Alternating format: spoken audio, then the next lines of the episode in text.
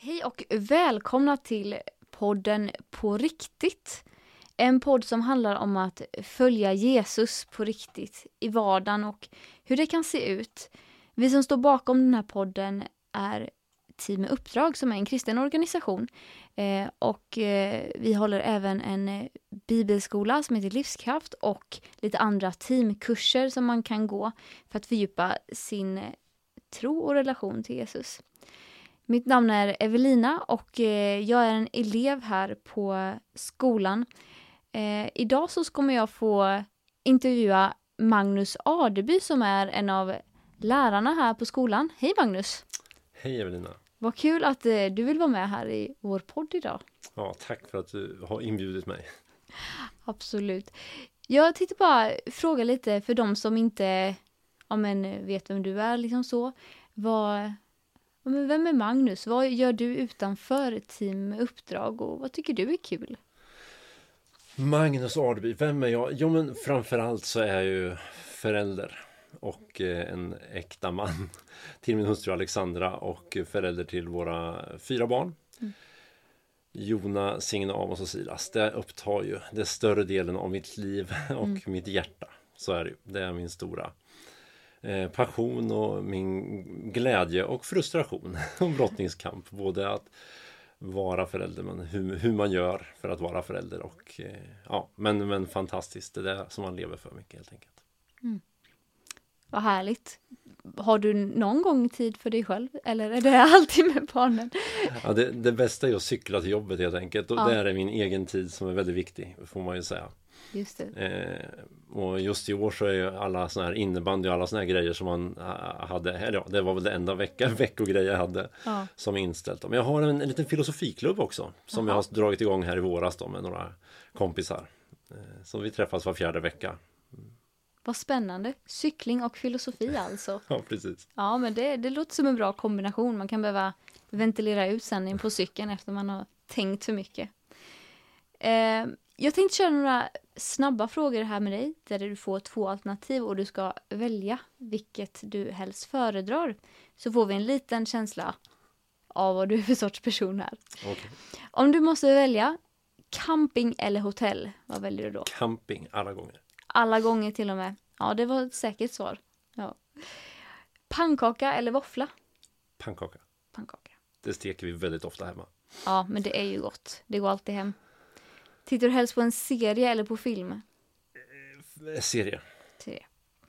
Laga mat eller diska? Diska. Västkusten eller östkusten? Västkusten. Västkusten. Ja, vi har nog... Eh, majoriteten har nog faktiskt svarat västkusten här, så att det är, det är majoritet. Ja, jag är uppväxt här på somrarna, så det är verkligen mitt hjärta. Klipporna ja. och det salta, salta vattnet. Mm, ja, men det är fint. Det är fina grejer. Mm. Även om det är trevligt på västkusten så vill jag gärna prata lite om Jesus här med dig. Han finns faktiskt där också. Han finns ju faktiskt där också, ja sant.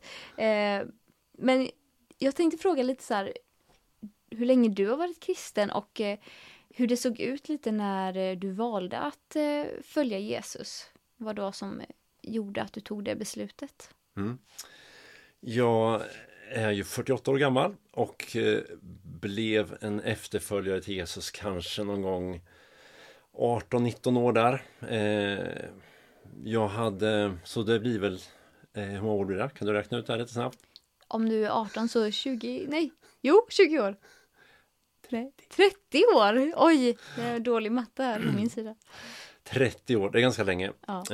men jag hade levt ganska länge innan där också. Mm. Jag gick eh, på ett konfirmationsläger som min mamma tyckte. Mina föräldrar var inte troende så. Jag gick på ett konfirmationsläger när jag var ja, konfåldern helt enkelt. Lärde känna eh, kompisar där i kyrkan. Sen började jag på gymnasiet, alltså i kyrkan i grannstaden var det egentligen. Sen så när jag började på gymnasiet så hamnade jag på samma skola som de, många flera av dem var konfa folket. Jag minns faktiskt från en kväll på konfalägret som jag aldrig kommer glömma. Då var det några eh, eh trevliga och eh, söta tjejer där. Och så sa jag till min kompis där, Björn, som vi hade åkt dit tillsammans. Han bara, ah, men de här tjejerna, de är ju... Eh, eller han sa det, men de här tjejerna är ju verkligen eh, från Lindesberg där, de är ju verkligen eh, trevliga och sådär. Ja, ja, så jag tänkte nu ska väl han säga, ska man bli tillsammans med honom? Alltså, man kanske skulle bli som en av dem. Ah. Vad då menar du? Ja men kristen. Och då så fick jag förklara för honom att nej men Björn så funkar det inte. De är kristna och vi är inte kristna. Kristen är ingenting man blir. Ja. Fick jag förklara för honom då. Mm. Eh, och det fick jag äta upp några år senare då när jag eh, började umgås med det här gänget mer på kvällarna på gymnasiet där vi hängde på, ja men du vet som man gör, man grillar korv och spelar brännboll och gör annat så här roligt. Ganska lågmäld eh, gemenskap på ett sätt. Men sen sjöng de ändå lovsånger och någon sa någonting om den här Jesus. Aldrig någon som frågade mig vad jag tyckte. Mm. Men jag kunde inte sluta att fascineras och fundera varför tjatar de om honom? Så jag tog upp min gamla konfirmationsbibel där tre år senare och började läsa evangelierna. Mm. Och blev, jag var mer inne på eh, buddhismen och sånt här liksom och tyckte att Jesus var lite smal, bara alla, ingen kommer till Fadern utan genom mig. Jag störde mig jättemycket på det. Mm. Och tyckte att alla vägar bär väl till Rom. Eh, men jag kom inte förbi Jesus. Eh, så din stora fråga var hur kom jag till tro? Och där, där någonstans i brottningen med, med evangelierna, framförallt vem Jesus var, så kom jag inte förbi att han var, var sann. Och jag är sån här matematiker, jag älskar ja. matte, fysik, så här logiskt tänkande. Mina kompisar i efterhand har sagt, hur kan, du, hur kan du som är så smart och bra på matte och sånt tro på sånt där dravel, har de sagt till mig då. Ja. I efterhand. Och där, och där någonstans var det viktigt för mig då. Hur kan, kan det här vara sant? Och ja, men för mig blev ett jättestort och är än idag eh, vittnesbörd där hur lärjungarna agerar när de har följt sin mästare i flera år och gett sina liv för det och trott att han skulle kasta ut eh, romarna och skulle upprätta Guds rike där. Och så dör han på ett kors och de gömmer sig. Och det vi ser efteråt är att de går ut och alla i princip utom någon kanske offrar sina liv för att berätta om det här. Det här har hänt, Jesus har uppstått. Så för mig blev det the crucial point. Är det sant? Har Jesus uppstått? Mm. Och när jag ser hur lärjungarna agerar efter där så tänker jag det här kan de inte ha hittat på. Utan det här måste vara på riktigt. Och då får jag ta det här har Jesus sagt, han utmanar, han gör, han gör ja men jag får välja väg här liksom. Mm. Och mitt val blev att följa honom. Ganska rädd, berätta inte för någon på ett par år. Men, men jag sa okej okay, Jesus, ja, jag vill följa dig. Eh, och efter ett tag så köpte jag det korset och bara kände att jag måste berätta för mina icke-kristna kompisar för jag gjorde det i skymundan. Då, mm. verkligen så här, berättade inte för någon. Då. Mm. Eh, så det blev ett andra steg för mig att komma ut som kristen också och berätta att ah, men jag, jag följer Jesus, jag tror att det här är Han är vägen, sanningen och livet. Mm. Så det var min resa. Mm. Eh, från 15 år tills jag var 20 då, innan jag hade landat i det här fullt ut. Då. Just det. Mm. Man kan säga liksom att din, ditt, eh, att bli kristen var som en process liksom, att det var eh, ditt varför blev liksom när du kunde ja, men, ändå greppa lite med ditt förstånd eller du behövde mm. bli lite övertygad i ditt förstånd innan ja. du kunde ta det steget liksom. Absolut. Mm. Är det, har det varit samma anledning alla de här 30 åren? Det som du landade i där som 20-åring att okej, okay, Jesus är på riktigt, jag, jag väljer att följa honom liksom och sen när du ändå också valde att, berätta för dina vänner och så. Är det samma grund som du har stått på ända sedan dess att det är därför du har fortsatt att följa Jesus? Ja men det är en bra fråga och nu är jag en sån här kille som, ja men disciplin, överlåtelse, lojalitet är ju väldigt viktigt för mig. Eh, som person bara. Men så det är klart att det speglar sig i min relation, min gudsrelation också då. Mm. Eh, överlåtelsen och troheten här och lojaliteten. Men, men för mig är det ju att Gud är på riktigt. Han är sann. Eh, han finns.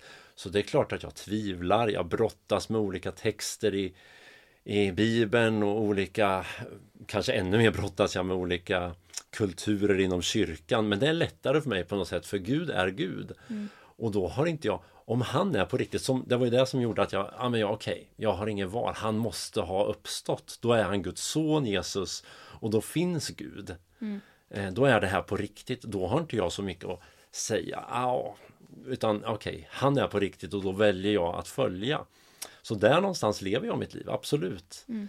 Att det här är sant och då, ja, men jag ser inga andra vägar. Jag kan ju vara arg på Gud och tycka varför gör du inte så här eller varför är det så här och hur kan du agera så här i, i både i, i Gamla Testamentet eller i, i idag när man inte ser honom handla eller så. Mm. Eh, så kan jag vara frustrerad och frågande och ha brottas med saker. Men att han finns och är på riktigt Eftersom jag tror det så landar jag ändå Ja men det här Jag, jag, jag går den här vägen liksom. Mm. Så absolut Så står jag på väldigt mycket samma grund än idag liksom. Mm. Mm. Ja men det är ändå häftigt att se hur, hur det kan liksom hålla igenom ja, men allt liksom som du säger, även att tvivel och ifrågasättanden för att ja, men det är ju så, man, vi brottas ju med saker genom livet men mm. att se att den grunden ändå håller igenom alla de grejerna liksom. Mm. Det är riktigt häftigt.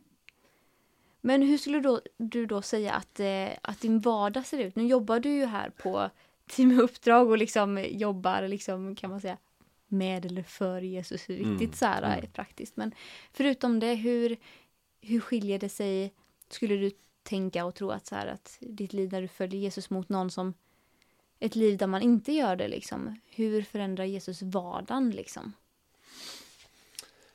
Eh, ja men här är det ju så skyddad verkstad på något sätt. Här pratar vi om Jesus hela tiden. Så här här är inte min efterföljelse så tydlig på ett sätt då.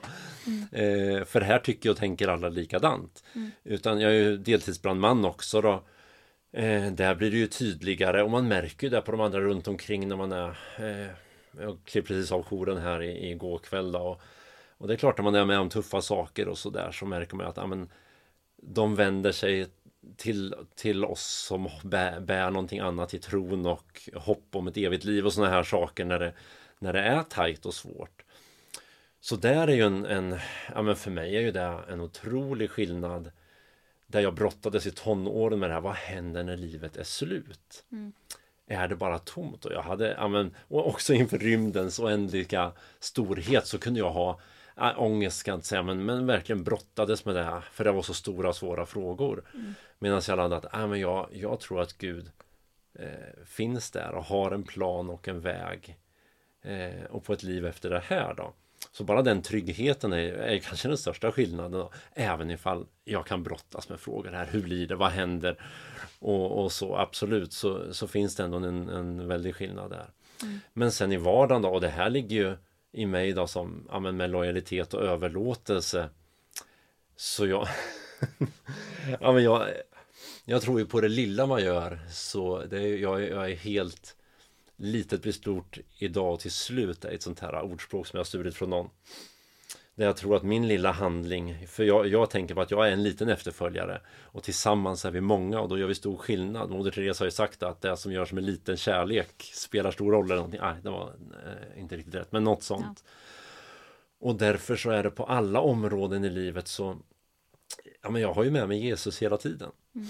Gud är med mig i allt och därför så kan jag aldrig liksom luras eller göra något annat utan ja, men min överlåtelse finns med hela tiden och det är ju allt ifrån att jag värnar den här miljön så när jag cyklar förbi en en eh, skrotburk i diket så stannar jag och tar upp den. Mm. Inte för att jag ska vara en duktig kristen eller för att jag borde för att Gud ser mig utan ja, men jag har en överlåtelse till att leva för den här skapelsens bästa. Eller när jag ser någon som är ledsen och som brottas med olika saker så vill jag som Kristi eh, händer och fötter, öron och, och mun vara där och möta den människans behov. Eller när jag ser att man svälter i Afrika eller att man eh, brottas i flyktinglägren i Syrien så vill jag vara med och ge av min ekonomi och mitt överflöd där. Så därför så lever jag ett enkelt liv för att se det. Mm.